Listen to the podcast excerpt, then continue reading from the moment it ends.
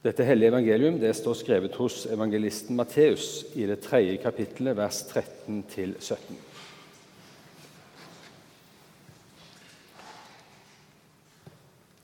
Da kom Jesus fra Galilea til Johannes ved Jordan for å bli døpt av ham. Men Johannes ville hindre ham og sa, 'Jeg trenger å bli døpt av deg, og så kommer du til meg.' Jesus svarte, 'La det nå skje. Dette må vi gjøre for å oppfylle all rettferdighet. Da lot Johannes det skje. Da Jesus var blitt døpt, steg han straks opp av vannet. Og se, himmelen åpnet seg, og han så Guds ånd komme ned over seg som en due. Og det lød en røst fra himmelen. Dette er min sønn, den elskede. I ham har jeg min glede. Slik lyder Herrens ord.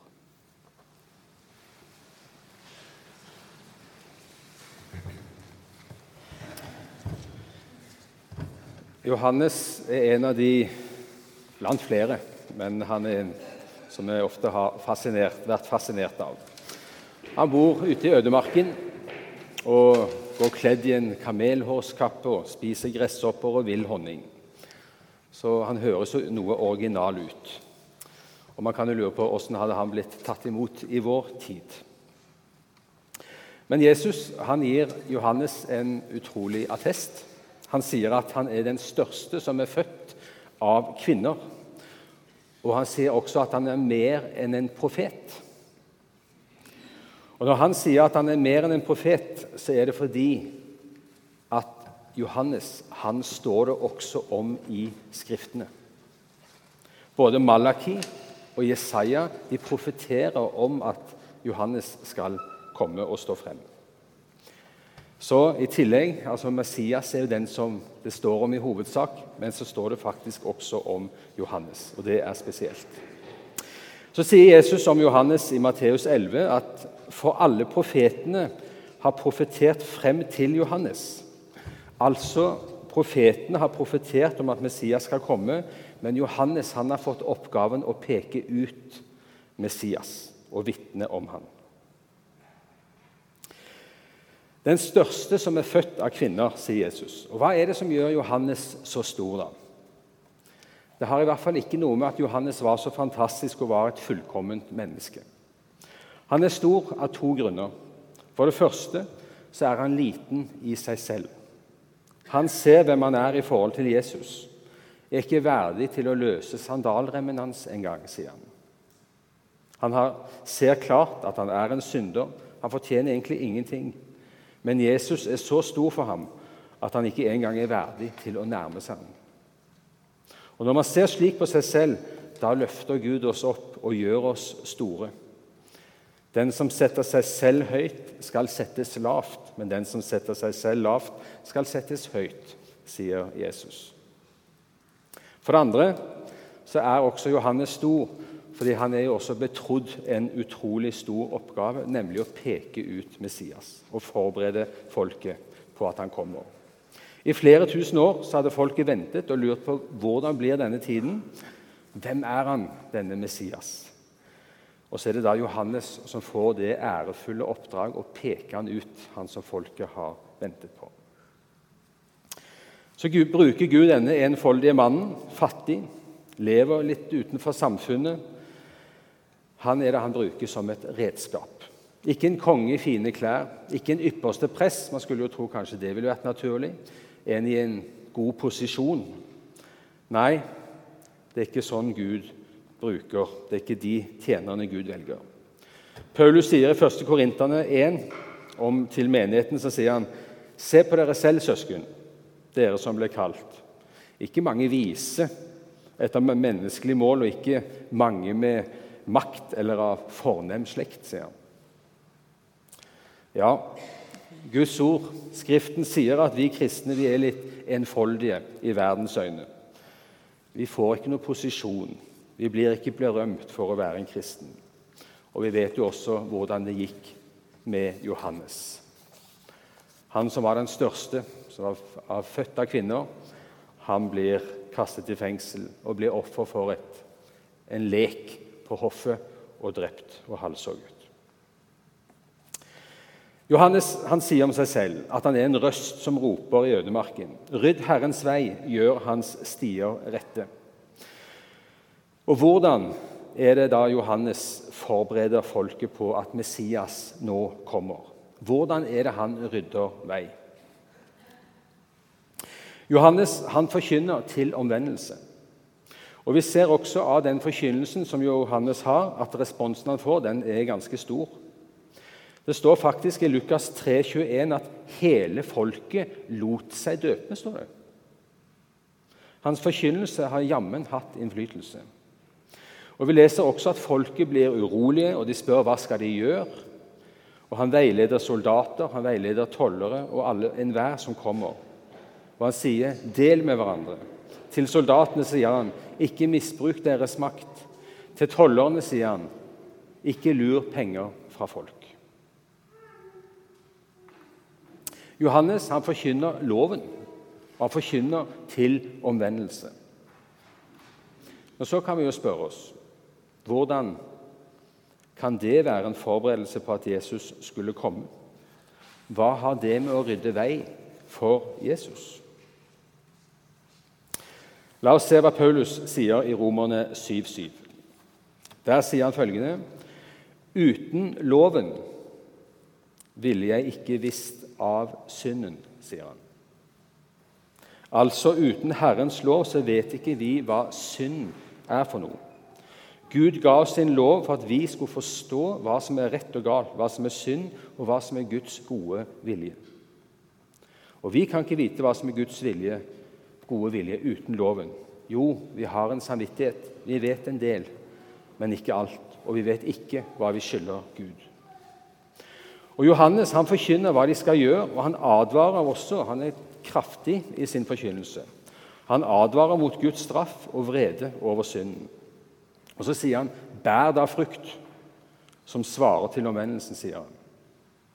Og Et annet sted så sier han, 'Hvem har lært dere hvordan dere skal slippe unna den vreden som kommer?' sier han til folket. Det er jo en trussel. Så Johannes' sin forkynnelse den er salt. Den svir, og den skaper uro. Og det gjør alltid Guds lov når vi hører dens krav. I Matteus 19 kan vi høre om en rik ung mann som kommer til Jesus og spør hva godt han skal gjøre for å få evig liv. Og Jesus svarer, 'Hold budene og gjør det den sier. Da skal du få leve.' Men bryter du ett av dem, så har du brutt alle, og da hjelper det ikke så mye. Sånn er Guds lov. Den er betingelsesløs. Den er voldsom. Og Vi tenker kanskje at kan Gud sette strengere krav til oss enn det vi kan klare å overholde? Ja, det er det Gud gjør. For det å være sammen med Han, for å være sammen med Han, som er hellig og ren, så må også vi være hellige og rene. Og Gud senker ikke kravene på sin hellighet. Han kan ikke være i nærheten av det som er urent. Så Det er en del av den oppgaven Johannes har fått, å forberede og rydde vei for Herren. Det å vekke opp hjertene og samvittigheten og la folket skjønne at de trenger. Nå kommer Han som de trenger, for de klarer ikke dette selv. Johannes' sin forkynnelse den minner oss også på enhver av oss som forkynner Guds ord. For det er jo sånn at hvis vi ikke kjenner Guds lov, så skjønner vi heller ikke hvorfor Jesus måtte komme. Det å forkynne loven er alltid ubehagelig. Det er både ubehagelig å forkynne det, og det kan være ubehagelig å høre det. Men det er jo heldigvis ikke siste ord. Men det trenger å lydes. I Salme 119 så står det 'Summen av ditt ord er sannheten'. Det er lett for oss å kunne sette noe til side av det som vi kjenner dette er ubehagelig. Men vi trenger å høre alt. Summen av ditt ord er sannheten. Ok. Johannes rydder vei. Men så, hva har det med Jesu dåp å gjøre, da?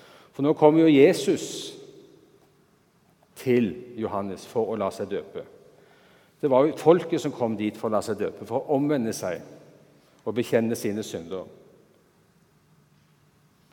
Og Johannes stusser jo. Han skjønner jo ikke dette. Han har aldri sett Jesus gjøre noen ting galt. For Johannes han kjente Jesus. De var slektninger. Vi vet ikke eksakt hva slags eh, familieforhold det var, men at de har vært sammen i sin barndom og ungdomstid og voksentid, det vil jeg tro er ganske sikkert. Så kan vi være ganske sikre på at Elisabeth, hans mor, må jo ha fortalt om den gangen engelen kom og forkynte for henne. Og hun må jo sikkert ha fortalt om sitt møte med Maria. Og vi vet jo at Elisabeth skjønte hvem Maria var. Så Johannes han må jo ha skjønt mye i hvert fall av hvem Jesus var. Og Derfor sier han òg 'Jeg trenger å døpes av deg', og så kommer du til meg. Johannes forkynner omvendelse for folket, men han vet sannelig at han selv trenger det også. Men da svarer jo Jesus dette må vi gjøre for å oppfylle all rettferdighet. Og Så gir Johannes seg og døper ham. Men hva mener Jesus da når han sier dette må jeg gjøre, dette må vi gjøre for å oppfylle all rettferdighet? Da skal jeg igjen bruke noen ord av Paulus. For han sier i Romerne 8,3 følgende Det som var umulig for loven, siden den sto maktesløs fordi vi er av kjøtt og blod, det gjorde Gud.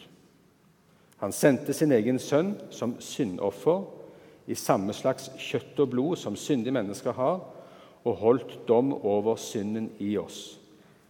Slik ble lovens krav oppfylt i oss. Det som var umulig for loven, det gjorde Gud. Slik ble lovens krav oppfylt i oss. Som vi var inne på, så sier loven 'hold budene, og du skal leve'. Og Det vet vi alle at det klarer vi ikke. Vi er ute av stand å oppnå noen som helst fullkommenhet slik Gud må ha det. Når Jesus blir døpt,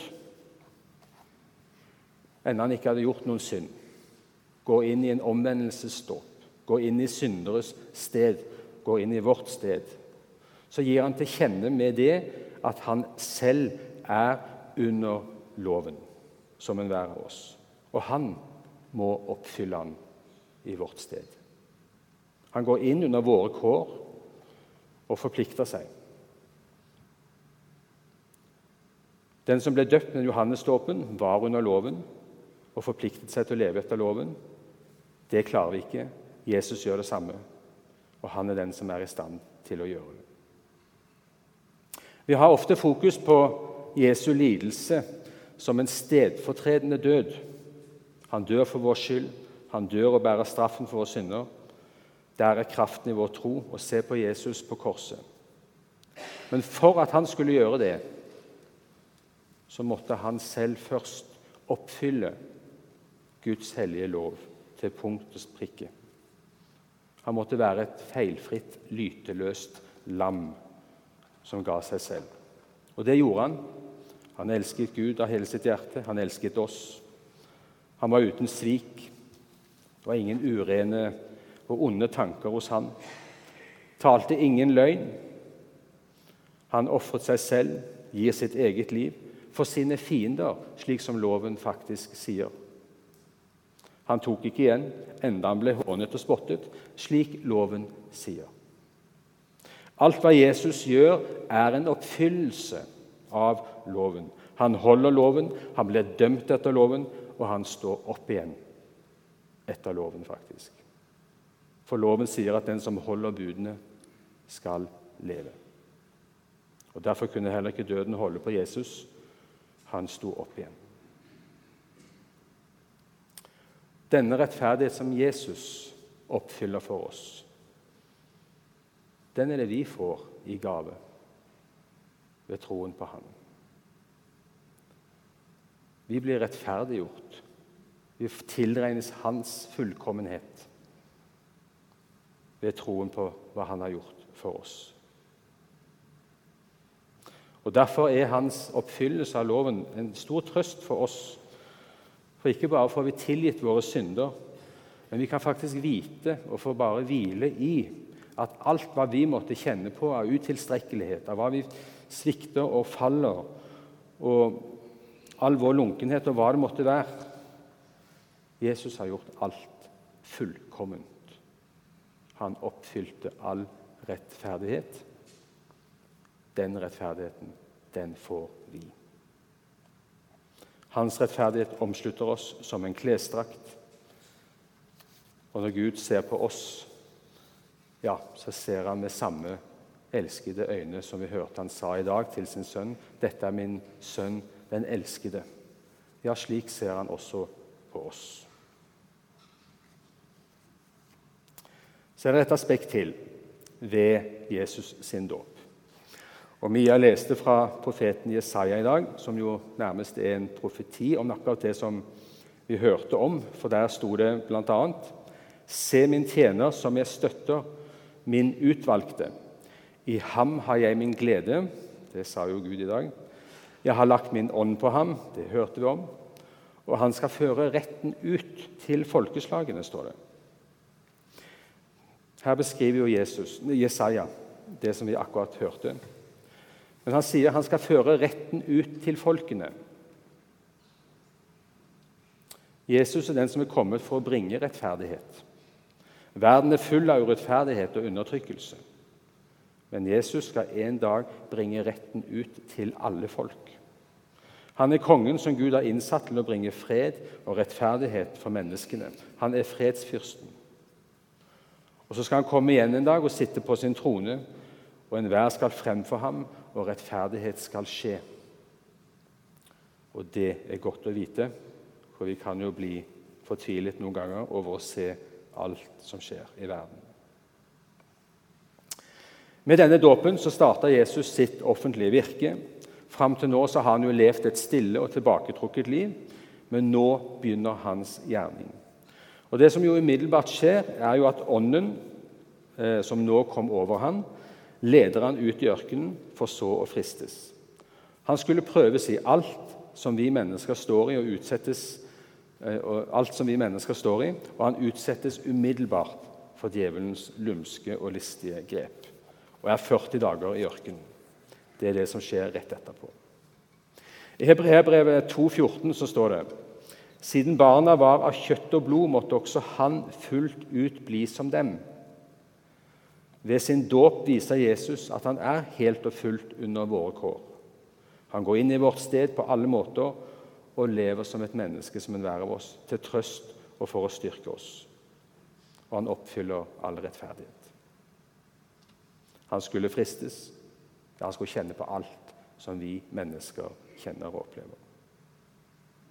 Til slutt Vi hører at når Jesus stiger opp av vannet, så åpner himmelen seg, og ånden kommer ned over ham som en due. Det er jo virkelig et spesielt øyeblikk. For her møter vi jo faktisk Faderen og Sønnen og Den hellige ånd på en gang.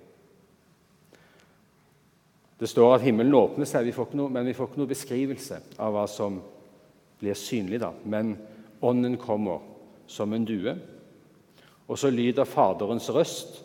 Dette er min sønn, den elskede. I ham har jeg min glede.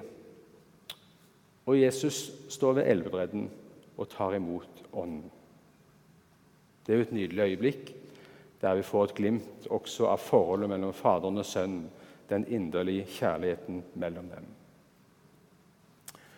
Og det er jo noe å tenke over. Guds elskede sønn. Gud taler når Jesus står ved elvebredden, og han står der som et menneske. Og Gud sier 'Dette er min sønn, den elskede som jeg har behag i'. Det er jo egentlig utrolig å tenke på. Guds egen sønn fra evighet, står ved vannkanten som vår bror, og Gud sier, 'Dette er min sønn, den elskede'. Og så er vi blitt hans søsken ved troen på ham. Johannes hører den levende Guds egen røst. Og Det er jo den samme røsten som israelsfolket hadde hørt 1400 år tidligere, da de sto ved Sinai-fjellet. Den gangen så skalv folket av redsel. Da kunngjorde Gud sin lov. Ild, røyk, torden. Ja, de var vettskremt, sto det. I dag så er det en annen røst som lyder. En fars kjærlige røst til sin elskede sønn. Dette er min sønn, den elskede. Her var det ikke ild og røyk, men en due som kommer fredfullt ned. Og vi ser jo den voldsomme kontrasten mellom loven på Sinai, frykt og redsel evangeliet fredfullt, stille og nådefullt. Se min tjener som jeg støtter, min utvalgte. I ham har jeg min glede. Jeg har lagt min ånd på ham. Han skal føre retten ut til folkeslagene. Amen.